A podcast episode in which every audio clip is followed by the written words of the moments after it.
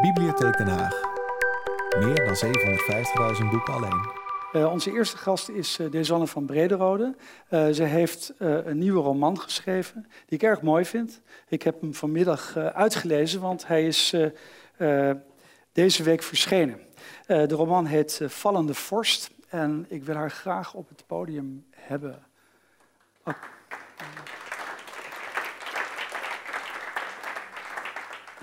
alsjeblieft. Desanne, uh, je hebt een, uh, al een behoorlijk oeuvre op je naam staan. Ik zag bij de stand eigenlijk alleen uh, één andere roman van je liggen. Maar ja, we hebben het eigenlijk altijd over het laatste boek hier, dus Vallende Vorst. ik wil eigenlijk beginnen met een vraag naar de titel. Vallende Vorst. Waarom heet het boek Vallende Vorst? omdat het twee betekenissen heeft. Het meeste speelt zich af in de wintertijd tussen kerstmis en drie koningen. Uh, en uh, dus dan valt er sneeuw. Uh, die sneeuw valt ook regelmatig in het boek, of er wordt teruggedacht aan vallende sneeuw. en sneeuw heeft, maar daar komen we misschien nog op te spreken, aan de ene kant het mooie zuivere en pure. Mm. En aan de andere kant kan sneeuw alles toedekken wat je liever niet ziet. Mm. Dus dat is een hele dubbelzin, sneeuw is heel dubbelzinnig. ook al. En vallende vorst, ja, de vorst het drie koningen motief heb ik geprobeerd voorzichtig door het verhaal heen te leiden, inclusief Herodes. Ja, je hebt ook natuurlijk namen. Hè? Ja. Drie mannen die allemaal iets meemaken in hun leven. Een daad waardoor hun leven eigenlijk verandert. En de een heet, ik, ik ben heel slecht in de Bijbel, maar de een heet Melchior, Balthazar en Casper. Ja, maar die, die, namen staan overigens ook helemaal niet in de Bijbel, dus het is je vergeven. Ja. weer wat. Ja, ja nee, maar ik bedoel, dat is er later bijgekomen. Ja. Ik vond het grappig om te lezen dat, nou weet ik het even niet meer, ja, dat is in het Grieks. Heet ze geloof ik Apellius, Amerius en Damascus. Ja. dacht ik, nou, wat een mooi toeval. Uh, want Syrië speelt ook een rol in het boek. Um, maar ik wist al heel snel dat, dat ze zo moesten gaan heten, deze mannen, ofschoon ze heel verschillend zijn. En ik, maar ik wist nog niet precies waarom, waarom het met de drie koningen te maken had. Dus het was voor mezelf leuk om, om eigenlijk in die zin mijn hand een beetje te overspelen, dat ik dat intuïtief voelde. En pas helemaal aan het slot begreep, oh, daarom is het. Ja. ja. Uh, je zou. Uh Vandaar dat ik je vroeg naar deze uh, metaforische betekenis vallende vorst. Want anders zou ik misschien een verkeerde indruk wekken als ik zei dat je roman ook een relatieroman genoemd kan worden. Uh, en uh, indirect gaat het ook over uh, bedrog. Mhm. En uh, Herodes heb je net genoemd en zo. Maar uh, uh, het is een, een, een brede roman, eh, groot opgezet, met drie mannen inderdaad. En eigenlijk is er nog een vierde, die Jos. Maar goed, er zijn eh, kortom veel personages waar flink op in wordt gegaan. En ja, er gebeurt iets doordat ze een daad stellen in hun leven. De een redt een man uit de plomp, een motorrijder, die, uh, een uh, kale man met een baardje die een motor op zich krijgt, uit het water gehaald wordt. Hij voelt een brede schedel en ja, het was die kale motorrijder. Uh, een ander die, die gaat inderdaad vluchtelingen helpen. En, ja, en de, de ander die troostte eigenlijk de, degene die lang bedrogen is geweest. Dat is het, als ik het zo mag ja. parafraseren. Ja. Um, ja. En... Um, nou, wil ik heel graag naar een film waar ik nog niet naartoe ben geweest, maar er veel over gelezen heb. Irrational Man van Woody Allen. En eigenlijk gaat het ook over zoiets uh, levensveranderends, maar negatiever. Hè? Een man wil zijn leven veranderen, verandert dat zelfs, heb ik begrepen, door een moord te plegen. Mhm. uh, is er zoiets cruciaals nodig eigenlijk om je leven te veranderen? Nou, ik denk dat heel veel veranderingen geleidelijk gaan. En dat veranderingen vaak uh, een beetje mislukken op het moment dat mensen te bewust willen veranderen. Mm -hmm. Uh, dan krijg je ook hele gemaakte mensen. Hè? Van, van nu af aan ga ik spontaan doen. Mm En niets is zo grappig, vind ik, als mensen die zich zoiets voornemen. en dan op, op hun uh, niet spontane wijze spontaan gaan doen. Ja. En dat val, val, daarmee vallen ze dan door de mand. Dus ik denk. Maar deze, deze mannen hebben ook niet zozeer het voornemen van van nu af aan ga ik alles anders doen. Mm ik denk dat ze daarvoor te intelligent zijn om, mhm. om door te hebben dat dat zo niet werkt. Mhm. Maar ze voelen wel ergens, en ik denk dat, dat, dat heel veel mensen dat kennen, uh, ook als je geen man bent en geen midlife hebt, uh, dat je vastzit um, in, in een bepaalde rol, in een bepaald uh, schema van op dingen reageren. Met je talenten, je tekortkomingen. Verder heeft de buitenwereld daar misschien nog niet eens kritiek op. Mm. Maar um, wel dat idee van, van uh, ik begin er wel erg in herhalingen te vallen en mm. eenzijdig te worden. En als zich dan iets aandient, zo is mm. het eigenlijk meer. Wat een appel op deze heren doet, en dat is steeds iets anders, dan, dan voelen ze dat wel eigenlijk als een soort kans om, om een heel nieuw register in zichzelf open te trekken. Dus daar zit voor mij ook de vergelijking met die drie koningen, die niet alleen de wijsheid hebben dat ze de betekenis van die ster kunnen duiden, daar had het mm. bij kunnen blijven, maar ze leiden daar ook uit af. Uh, uh, nu pak ik mijn kamelen en, mm. mijn, en, ik, en een cadeautje en, mm. en ik ga uh, de tocht door de woestijn afleggen.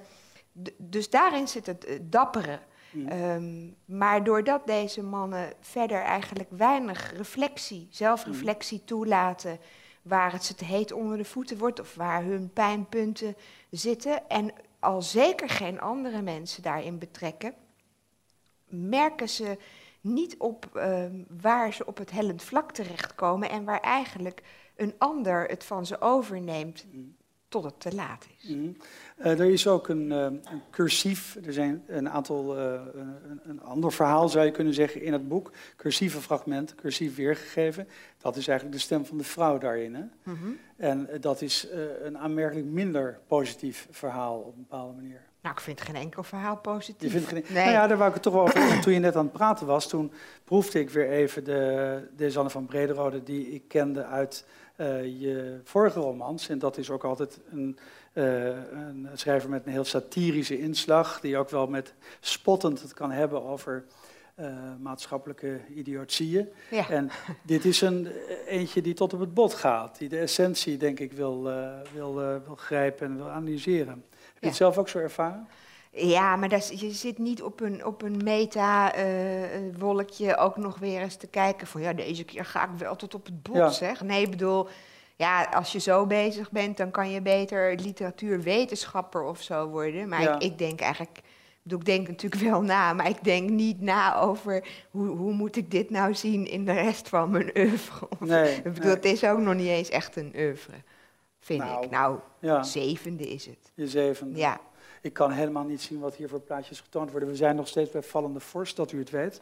Maar um, als we teruggaan naar het begin van je oeuvre... Dan, ja. dan, ja. dan, horen we nu een plaatje te zien van AV Verum Corpus, hè, je roman. Ja. En je wilt daar nou helemaal niet over beschouwen, begrijp ik. Je wil niet die literatuur, wat literatuurbeschouwers eigenlijk doen, die lijn eh, laten zien. Maar herken, herken je ze toch wel allemaal als boeken die helemaal bij jou horen? Uh, ja, uh, die eerste denk ik misschien nog wel het minste, gek genoeg. Ja. Ja, en... Uh... Maar dat was een boek dat heel veel beroering wekte, hè? want religie kwam daar op een bepaalde manier voor. Ja, ja. Ik denk dat, ik, dat, ik, dat dat gewoon eigenlijk meer ook zo'n soort bewijsdrift was van, van ik wil gewoon voor mijn 25ste een roman in de winkel. Ja. en en um, nou, dat is gelukt. Maar, maar ja, daarin zitten wel al de bepaalde vragen die denk ik altijd terugkomen. Mm -hmm. En later merk je steeds meer dat, dat uh, hoe meer je uh, de verbeelding de vrije loop laat, hoe meer je soms ook de taal gewoon het werk laat doen, uh, je eigenlijk, ja, moet dat zeggen, um, dichter bij de kern komt dan wanneer je je voorneemt, ik ga nu meteen de kern pakken. Mm -hmm. Dus het omspelen, um, nou ja, je, hoe virtuozer je het omspeelt, ja. hoe meer je misschien op het bot komt. Ja, nou, er is een personage in je boek die heet Hero. En een van zijn aantrekkelijkheden, zoals die wordt beschreven door deze vrouw, is dat hij dan met heel veel taalvernuft en ironie eigenlijk een kern onberoerd laat. Ja. Wat trek je daar aan? Of wat is het dat je daar aantrekkelijk aan vindt eigenlijk? Want ik, heb het, ik kreeg de indruk toen ik het las dat het voor meer stond. Ja, ik denk dat het mooi is en, en dat geldt ook uh, in zijn geval. Zijn, hij is uh, uh, hoogleraar cinematografie. Hij, hij wil wel mensen de ogen openen voor wat je allemaal in Mhm. een film kunt zien. Los van, het, van de verhaallijn, van, van eh, de karakters. eh, maar ook gewoon hoe wordt iets in beeld gebracht? Hoe is de samenhang tussen beeld en muziek? Maar op het moment dat je, dat je werkelijk je uitspreekt over dit is, dit is de bedoeling van die Mhm. film. Of, en, het, en hem vastspijkert op, op dat ene thema, dan neem je meteen de vrijheid die, die in kunst altijd aanwezig is. En de betekenis die de kijker of de lezer ergens aan moet geven. En die kan ook wisselen per keer. Die neem je weg. Dus, dus het is een, ja, de kunst om, om dat wat, wat de waarheid daarin is, eh, altijd open te laten. Mhm. Eh, maar op zo'n manier dat die wel ja, kan gaan stralen. Mhm. En wat is de literair stralende waarheid van eh, de roman Vallende Vorst? Nou, dat is dus niet aan mij, dat is voor de Ja, lezer. ja. Nee, als ik dat ga zeggen, Ja, dan doe ik dus precies waar ik zo tegen ben. ja. Ja, Ehm, laten we het anders stellen.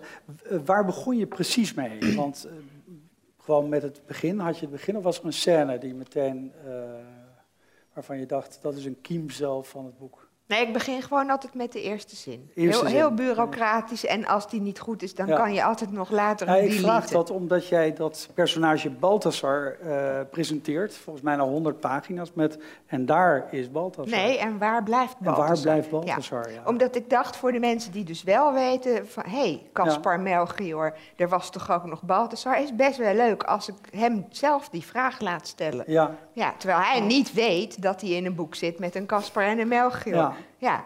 Ehm, ik heb net gezien vanuit mijn ooghoek dat er allemaal beweging was op dit. eh, Pardon? daar is ook Oh, het scherm. Nou ja, helemaal. Kind kan de was doen. Dus we kijken nu naar Vallende Vorst. Maar ik, ik heb begrepen. Ja, dat heet autocue toch? hè? Ik heb begrepen dat er ehm, ook nog een ander plaatje te zien is. En dat gaat. Kijk, hey, zegt dat je iets? eh, nou ja, ik heb... Net als jij ook tegenwoordig een bril nodig, maar ik is een kerk. Ja, het is een kerk. En, ehm, ehm, ehm, nou ja. Eh, is, dat, is dat soms hier in Loosduinen? Ik heb niet? geen idee. Ja? Ik had eigenlijk gewoon gevraagd Oh. om een willekeurige kerk. Oh, oké. Nee, ik dacht misschien is het de kerk maar waar ik mijn eerste communie juist een gedaan. willekeurige kerk, want dat speelt natuurlijk een rol op een bepaalde manier. Ja, nou in dit boek niet. In dit boek niet, nee, maar in je oeuvre wel. Ja, nou de kerk niet, Christus en God. Vind ik twee hele Ja. verschillende dingen. Je hebt ook wel eens tegen mij gezegd van als het om dingen is voor de kerk, of nou ja, Christus en God zei je dan niet, maar je bedoelde natuurlijk Christus en God, dan, ja, dan doe ik dat omzonst. Dus dat zag je als een soort plicht om dat te doen, als je een lezing houdt of iets dergelijks. Dat. Nou, nee, de- de- ik bedoel dan, dan nee, dus zo is het nou ook weer niet. Maar wel dat je, dat je ik, ik vind het wel een beetje raar om echt zeg maar handel te drijven met het feit dat ik per ongeluk nog steeds gelovig ben. Ja. Ja, Ehm, maar ze mogen best wat betalen. Ik bedoel, ik moet er wat, wel wat Ja, voor doen. Ja. Ja. het is ook goed dat we dat maar eens hardop zeggen. Ehm, we hebben een ander plaatje en dat heeft wel met je boek te maken. Ja. En dat heeft natuurlijk met eh, een van de hoofdpersonen te maken. En dat, ik ga het gewoon verklappen, dat heeft met die vluchtelingenstroom te maken, Syriërs en zo. ja. Nou ja, we kunnen het ook zonder plaatje. ja. Eh, ik Dan is dat de vluchtkerk. ja, je, je, hebt, je hebt je ook beijverd. En, en fors, hè? Je hebt meegewerkt aan een stichting, begrijp ik. En, Nee, nee ik, dat, ik, ik zit in het bestuur van het Syrische comité. Dat was al Ja. opgericht voordat ik erbij kwam. hoe is dat nu? Want het is actueler dan ooit. Eh, voor, voor Syriërs is het niet actueler dan ooit. Het is Mhm. gewoon actueel vanaf het moment dat de eerste vreedzame demonstraties in 2011 er waren en Assad die neersloeg. Alleen toen was het gek genoeg voor de rest van de wereld niet actueel. Mhm. Nu komt de actualiteit naar ons toe en hey, nu lijkt het ineens actueel. En dat is natuurlijk ongelooflijk cynisch. Het Mhm. is een oorlog die zijn vijfde jaar ingaat. En nu pas lijkt iedereen te beseffen wat er aan de hand is. Mhm. Dus ja, voor, ik geloof niet dat er in het comité eh, qua stemming en strijdbaarheid en wanhoop soms ook een onmacht, daarin nou zoveel is veranderd. Dat wij Mhm. nu ook ineens denken, god, er is in Sy- Syrië iets aan de hand. Mhm. Hoe ben je daarbij betrokken geraakt? Ehm, eh, dat was in ja, winter 2012 of zo, toen ik op televisie eh, weer bombardementen eh, zag. die me aangrepen. Uh, ja, je moet wel heel koud zijn als het je niet aangrijpt. Ja. En dat ik zo verbaasd was dat, dat Nederland ehm, zo stil bleef. Terwijl we naar dingen zaten te kijken die wat mij betreft zoveel gelijkenissen ook vertoonden met beelden uh, uit de Tweede Wereldoorlog. Uh, met dan ook nog eens de gedachte, dit doet een eigen leider uh, zijn volk aan. Want toen was het nog heel erg duidelijk. Het was helemaal niet dat je kon zeggen, ja, zo chaotisch wil ik mijn handen niet aan branden. Dat werd later dan een goed excuus. Uh, nou, en toen dacht ik, ik kan op Facebook wel, wel zeggen, waarom doet niemand iets? Hmm. Maar dat is ook hypocriet, want ik heb me ook voor een heleboel oorlogstoestanden in de wereld niet geïnteresseerd, of ja, wel geïnteresseerd, hmm. maar niet uh, in actieve zin. Uh, dus ik dacht, ja, dat, dat wordt ook dan meteen met een vingertje van, ja. van ja, dus toen dacht ik, ik ga gewoon een vraag stellen. Waar kan ik me melden uh, uh, om iets te doen voor Syrië? Ja, en toen kwam van het een het ander. En dan ga je vaker naar, naar bijeenkomsten toe, mhm. demonstraties. Uh, en langzamerhand ja, ben ik erin gerold. Mm. En juist doordat je zoveel met elkaar optrekt en dingen samen doet... Uh, ontstaan er vriendschappen, leer je de verhalen van mm. mensen beter kennen. Steeds dieper ook de gevangenisverhalen, want, want het Assad-regime is, is al 40 jaar gewoon echt een, echt een misdadig, um, inhumaan regime. En als je die werkelijkheden allemaal um, zo van dichtbij ziet, ja, dan is het ook eigenlijk niet meer iets van laat ik iets voor Syrië doen. Het is gewoon een deel van mijn leven geworden. Mm -hmm. ja. Een ander deel van je leven, want je bent ook in Liberia geweest, hè? Toch? Uh, Sierra Leone. Sierra Leone, ja. want ik, ik, wou het hebben over, dat komt ook nog in je boek voor, hè? maar dat was Liberia, dus ik vergiste me. Maar, uh, dus dat engagement, dat zat er al vroeg in. Nee, daar is het juist omgekeerd. Uh, ja, de engagement zit er wel vroeg in, maar, maar Sierra Leone ik denk dat Syrië daarmee verband houdt. Toen ik daar met mijn toenmalige verloofde heen ging, was gewoon een uitwisselingsproject. Ja. Um, we waren uitgeloot om naar Sierra Leone te gaan. Toen was daar net de oorlog uitgebroken. Mm. En uh, hij had een negatief reisadvies, maar we hadden zo'n beetje gecheckt. Uh, viel op zich toen nog wel mee. En mijn ouders lazen alleen het Brabants Dagblad, dus die wisten toch van niks. Nee. En, en, toen zijn we daar naartoe gegaan. Dat was voor je debuteerde allemaal? Ja. ja. En uh, nou ja, doden heb ik toen nog niet gezien, maar wel de gedrogeerde kindsoldaten mm. en de, de, de ehm, ja, roadblocks ja. en al dat soort dingen avondklok. En het erge is, je, je maakt dat mee, uh, sowieso, ook de armoede die daar schrijnend is. Uh, en je neemt je voor, goh, als we thuiskomen, uh, daar heb je het, hè? gaan wij ons leven veranderen. Ja. En consuminderen en niet meer ons bezighouden met de kleine probleempjes, mm. maar echt hè, als geglobaliseerde wereldburgers. Ja ja, en dan merk je gewoon, zeker in je studietijd. Uh, uh, ik was aan het klooien met, met relaties en, en uh, waren hele andere dingen. En binnen de kortste keren was Sierra Leone eigenlijk wel weer uit mijn bewustzijn. En toen was een jongen die ik daar heel leuk had gevonden, kreeg ik ineens een brief dat hij onderweg was naar Nederland. Terwijl ik op dat moment uh, ja, van het samenwonen weer alleen ging wonen en dacht, oh nee, niet James ook nog. Mhm. Dus ik heb daar gewoon een, een, moment verschrikkelijk verslapen om, om me daarmee bezig te houden. En ik weet ook verder helemaal niet hoe dat is afgelopen. En ik denk... Maar hij kwam voor jou, ik neem aan dat hij niet kwam. Nee, nee, nee hij kwam niet voor mij. Nee, oh. nee, gewoon echt als, als asielzoeker. Nee, er zat altijd flinke tijd tussen.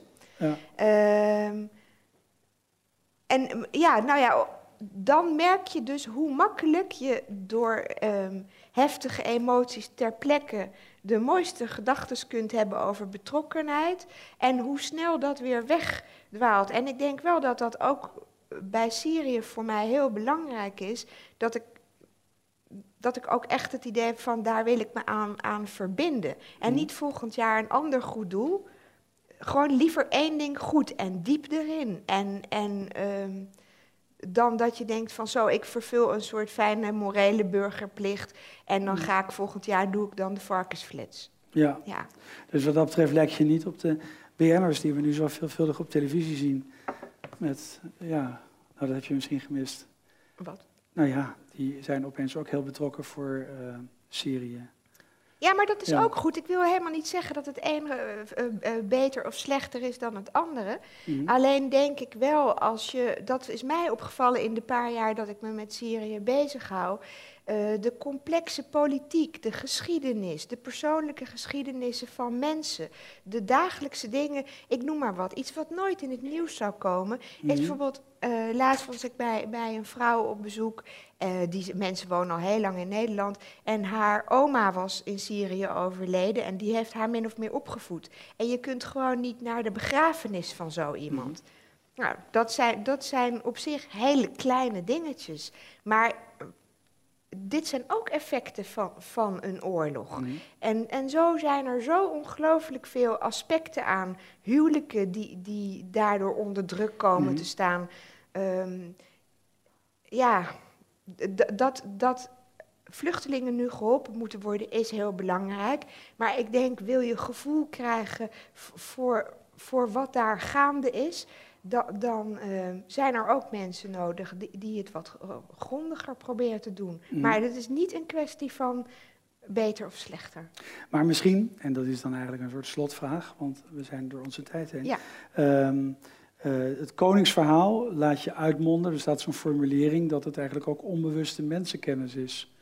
Is dat wat je boek ook doet, onbewuste mensenkennis eigenlijk? Uh, wat bedoel je daarmee? Dat weet ik ook niet, maar ik zag dat het er zo mooi stond, dat het koningsverhaal onbewust, dat staat hier ook, oh, onbewuste ja, ja, nee, ja. ja, natuurlijk. Dat de, dat de drie koningen worden natuurlijk gewaarschuwd Ja. in een droom. Ja. eh, dat ze bij de terugweg niet langs Herodes moeten gaan. En dat vond ik zo mooi, dat ze, dat ze ergens voelen eh, en met elkaar daarover spreken kennelijk. Want Ja. anders zouden ze niet weten dat ze dat alle drie gedroomd hadden.